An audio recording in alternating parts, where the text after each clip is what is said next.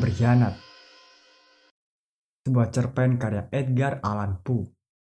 Diterjemahkan oleh Harum Elwibowo. Sumpah aku tidak mengerti kenapa kalian menganggapku gila. Penyakitku ini bukannya mengumpulkan atau menghancurkan panca inderaku, tetapi malah menajamkannya. Yang paling dibuatnya tajam adalah indera pendengaranku aku dapat mendengar apa pun yang ada di langit dan bumi, terutama di neraka. Jadi bagaimana mungkin aku gila kalau kalian masih juga tidak percaya? Maka perhatikanlah betapa warasnya dan tenangnya aku mengisahkan seluruh cerita ini. Aku juga masih tidak tahu pasti sejak kapan ide itu muncul dalam benakku. Tetapi segera setelah ide itu tertanam dalam otakku, Aku selalu merasa ada yang menghantuiku sepanjang siang dan malam, sehingga aku tidak dapat menolak untuk melakukannya. Sebenarnya aku menyayangi orang tua itu. Lagi pula dia juga tidak pernah menyakiti ataupun menyinggungku. Aku melakukannya bukan karena hartanya, tapi karena matanya. Ya benar, matanya. Dia memiliki mata bak burung vultur dengan warna biru pucat setiap kali dia menatapku, darahku langsung membeku. Akhirnya lama-kelamaan aku memutuskan untuk mencabut nyawanya agar aku dapat terbebas dari pandangan matanya. Sekarang intinya begini. Kalian menganggapku gila, tapi orang gila pasti tidak tahu apa-apa. Seharusnya kalian melihat betapa hati-hati dan elegannya caraku berjalan ke tempat kerja. Selama seminggu sebelum aku membunuhnya, aku bersikap sangat ramah terhadapnya. Setiap malam aku membuka grendel pintu kamarnya. Oh, pelan sekali. Kemudian kubuka pintunya sedikit, lalu kemasukkan kepalaku. Oh, kau pasti akan tertawa melihat betapa cerdiknya aku melakukannya. Aku bergerak dengan perlahan, amat sangat perlahan, agar tidak mengganggu tidurnya. Butuh waktu satu jam bagiku untuk dapat memasukkan seluruh kepalaku. Celah yang terbuka itu sampai aku dapat melihatnya sedang berbaring di atas ranjang. Hah? Kalian pikir orang gila bisa secerdik ini? Kemudian ketika seluruh kepalaku sudah masuk ke dalam kamarnya, kuputar tuas lenteraku dengan hati-hati. Oh, aku melakukannya dengan amat sangat hati-hati karena tuasnya dapat mengeluarkan bunyi decitan. Kuputar leteraku sampai dapat menerangi mata sipitnya dengan seberkas cahaya redup. Dan ini kulakukan selama seminggu penuh, tepat saat tengah malam. Tapi matanya selalu tertutup, sehingga tidak mungkin aku membunuhnya. Karena bukan orang tua itu yang menjengkelkanku, tapi mata kejinya itu. Dan setiap pagi ketika hari mulai petang, secara terang-terangan aku pergi ke kamarnya. Dengan gagah berani lalu memanggil namanya. Dengan nada menyentuh hati. Dan menanyakan bagaimana tidurnya malam tadi. Jadi kalian tahu sendiri kan, kalau tidak begitu dia bisa curiga kalau setiap malam, tepat jam 12 malam, aku selalu menatapnya saat dia tertidur. Pada malam ke-8, aku lebih berhati-hati daripada biasanya saat membuka pintu. Jarum jam yang menunjukkan menit bergerak lebih cepat. Sebelumnya tidak pernah aku merasakan batas kekuatanku atau kecerdikanku. Aku hampir tidak bisa menyembunyikan kegembiraanku. Bayangkan saja, aku di sana membuka pintunya sedikit demi sedikit dan dia bahkan tidak pernah mengira atau membayangkan hal yang kulakukan ini. Aku sedikit terkekeh dibuatnya. Dia mungkin dapat mendengar suara tawaku, karena tiba-tiba dia bergerak di atas ranjangnya seakan terkejut oleh sesuatu. Sekarang kalian mungkin berpikir aku akan berlari keluar, tapi tidak. Kamarnya segelap dan setebal kegelapan malam karena tirai jendelanya tertutup rapat untuk menghindari pencurian. Dan dari sanalah aku yakin kalau dia tidak dapat melihat pintunya terbuka. Sehingga aku terus membukanya pelan-pelan. Kepalaku telah masuk, Dan saat ku coba menyalakan lentera, jariku terpeleset di tuasnya. Kemudian orang tua itu terbangun sambil berteriak. Siapa di sana? Aku berdiri bak patung dan bungkam. Selama satu jam penuh aku tidak bergerak sama sekali. Dan sementara itu tidak pula aku mendengarnya berbaring kembali. Dia masih duduk di atas ranjangnya, mencoba mendengarkan suara-suara di sekitarnya, seperti yang biasanya kulakukan malam demi malam mendengarkan kematian yang selalu mengawasiku dari balik dinding. Beberapa saat kemudian aku mendengar suara rintihan kecil, dan aku tahu bahwa itu adalah suara rintihan manusia yang ketakutan.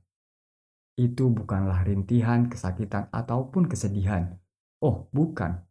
Itu adalah suara cekikan lemah yang datang dari jiwa yang dilimpahi perasaan kagum. Aku tahu benar suara itu.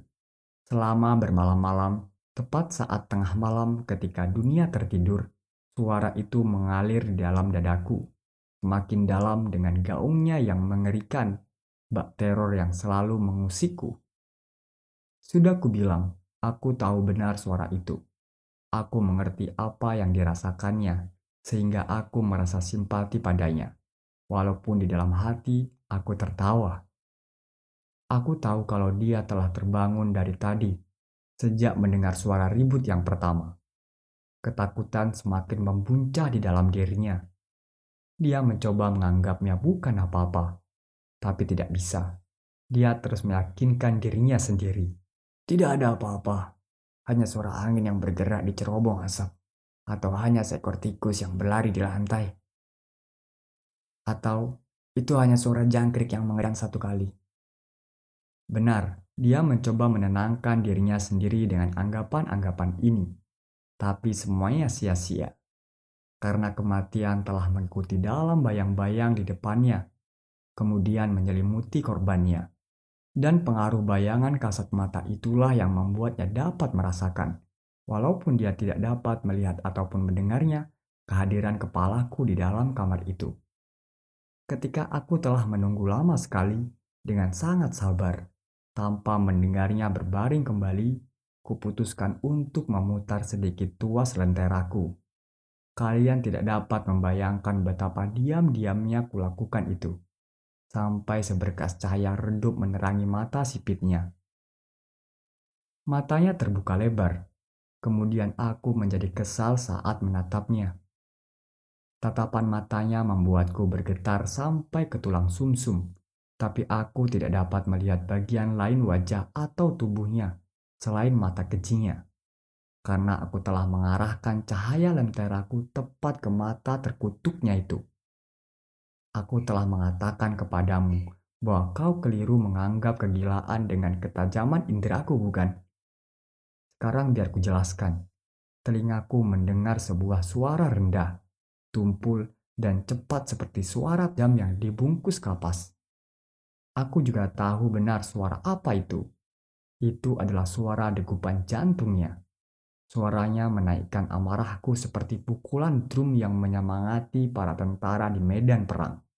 Tapi aku tetap menahan diri dan masih tidak bergerak. Napasku memburu tak beraturan. Ku pegang erat lenteraku agar tidak bergoyang.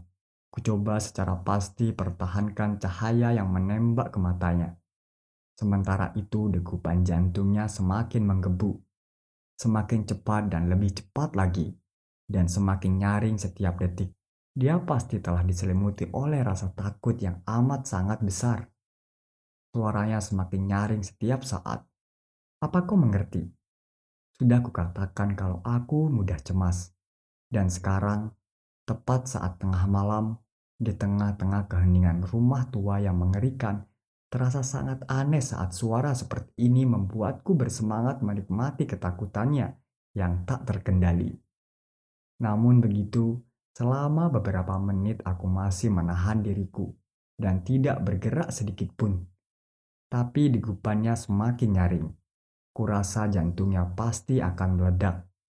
Dan sekarang kecemasan yang lain berengkuhku. Suaranya mungkin dapat terdengar oleh tetangga waktu orang itu telah habis. Dengan teriakan keras kuputar penuh tuas lenteraku dan melompat masuk ke dalam ruangan. Dia langsung menjadi tertahan, dan sekejap kuseret dia ke atas lantai dan mengangkat kasurnya yang berat dan membekap tubuhnya dengan itu. Kemudian aku tersenyum riang karena sejauh ini perbuatanku telah selesai. Tapi selama beberapa menit, degupan jantungnya masih berdetak dengan suara teredam. Tapi ini tidak menjengkelkanku. Suaranya tidak akan terdengar melewati dinding. Suaranya akan menghilang setelah beberapa saat. Orang tua itu telah mati. Kugeser kasurnya untuk dapat mengemati mayatnya. Benar, dia telah mati kaku.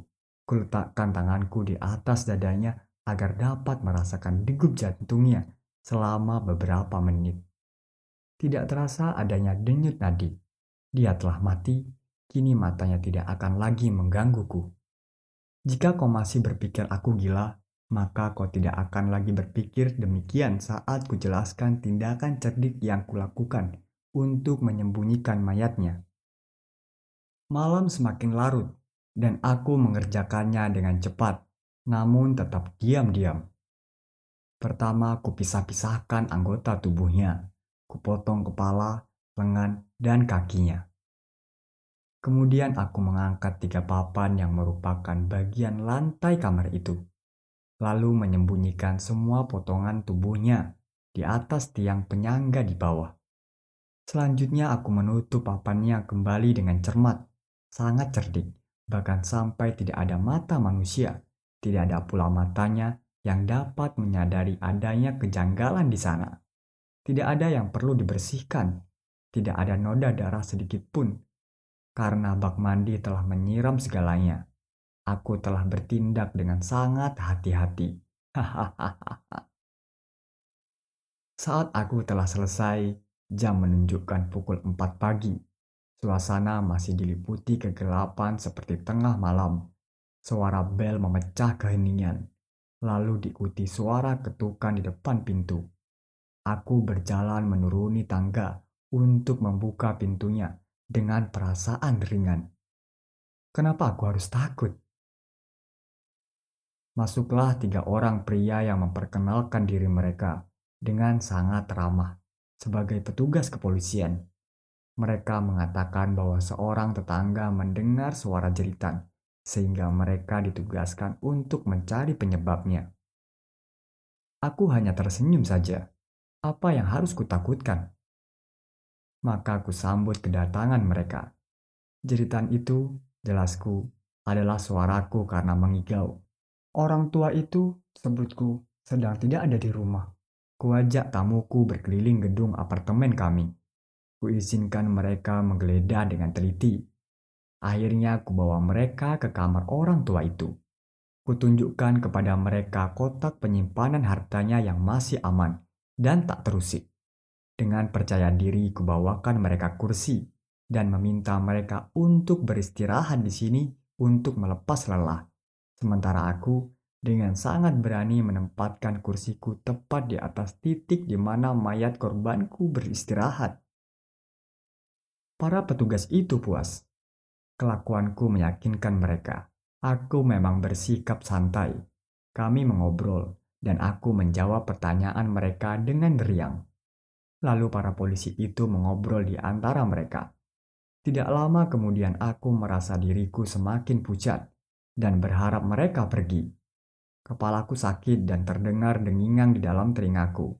Tapi masih saja mereka duduk santai dan mengobrol. Dengungan itu semakin jelas. Suaranya semakin menjadi-jadi dan semakin jelas. Aku berbicara apa saja untuk menghilangkan perasaan itu namun suaranya masih berlanjut dan semakin pasti. Sampai pada akhirnya, kusadari suara itu tidak datang dari dalam telingaku. Langsung saja wajahku berubah menjadi pucat, tapi aku mencoba berbicara dengan lebih lancar dan dengan suara yang ditinggikan. Namun suara itu malah semakin nyaring, dan apa yang dapat kulakukan? Suara tersebut terdengar rendah dan cepat, seperti suara yang ditimbulkan oleh jam yang diselimuti kapas. Napasku menjadi sesak, namun para petugas itu masih belum mendengarnya. Aku berbicara dengan lebih cepat dan tergesa-gesa, tapi suara itu masih menjadi-jadi. Aku berdiri dan membicarakan hal-hal yang remeh dengan nada tinggi dan gerakan yang kasar. Tapi suaranya semakin nyaring. Kenapa mereka belum pergi? Aku berjalan bolak-balik di atas lantai dengan langkah yang berat, seakan ingin marah oleh pandangan mata mereka. Tapi suaranya semakin lama semakin nyaring. Oh Tuhan, apa yang dapat kulakukan? Aku meracau. Aku mengumpat. Aku menggaruk-garukkan kursiku di atas lantai. Namun suara itu naik dan semakin nyaring. Suaranya semakin nyaring, dan mereka masih saja mengobrol dengan santai dan tersenyum. Apa mungkin mereka tidak dapat mendengarnya? Ya Tuhan, tidak, tidak. Mereka mendengarnya, mereka curiga, mereka tahu Aku yakin mereka sedang menertawakan ketakutanku. Apa pun lebih baik daripada penderitaan ini. Apa pun akan lebih baik daripada penghinaan ini. Aku sudah tidak tahan lagi dengan senyuman munafik mereka. Kurasa aku harus berteriak atau mati. Dan sekarang dengarkan lagi. Suaranya semakin nyaring. Dasar keparat! Teriakku. Tidak ada lagi yang perlu disembunyikan. Kuakui perbuatanku. Bongkar papan itu di sini dan di sini. Aku sudah tidak tahan mendengar suara degupan jantungnya yang mengerikan. Terima kasih.